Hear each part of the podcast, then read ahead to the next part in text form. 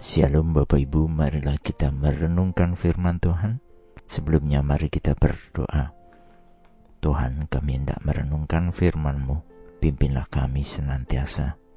Di dalam Tuhan Yesus kami berdoa. Amin.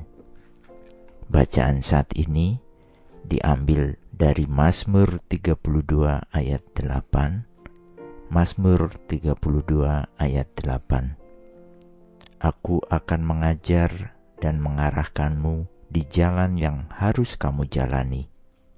Aku akan menasihatimu dengan mataku yang tertuju kepadamu.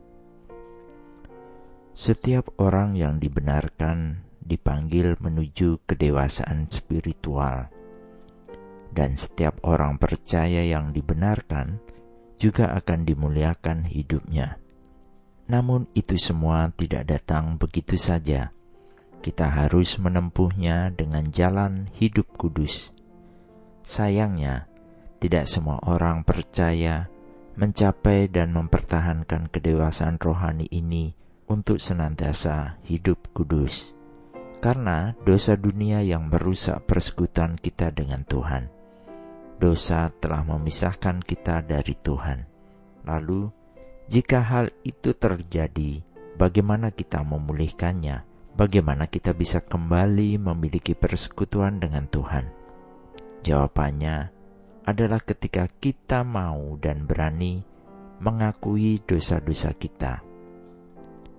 Kita mengenal tokoh Daud yang telah melakukan beberapa dosa serius karena mengambil Betseba dari Uria, serta banyak hal lagi yang dilakukannya akibat dosa menjadi penghalang antara kita dengan Tuhan. Sampai kita mau mengakui dosa kita, maka Tuhan akan memulihkan dan mengampuni dosa kita. Dan ini terjadi pada tokoh Daud tersebut. Tidak itu saja, Daud menerima janji Tuhan seperti bacaan saat ini. Aku akan mengajar dan mengarahkanmu di jalan yang harus kamu jalani aku akan menasihatimu dengan mataku yang tertuju kepadamu. Ketika kita mau datang dan percaya kepada Yesus, maka Dia akan memulihkan kehidupan kita. Tuhan akan membimbing pikiran dan langkah kita. Seperti juga dalam Yesaya 33 ayat 6. Pada zamanmu akan ada keamanan, kelimpahan, keselamatan, kebijaksanaan, dan pengetahuan. Takut akan Tuhan adalah kekayaan. Sudahkah kita mengakui dosa kita dan mau datang kepada Kristus? Karena Tuhan berjanji untuk mengajar dan menuntun orang percaya yang telah diampuni, yang memiliki roh yang mudah diajari, menghargai kehadiran dan nasihat Tuhan, percaya dan bersukacita di dalam Dia, serta tetap jujur hatinya. Amin. Mari kita berdoa.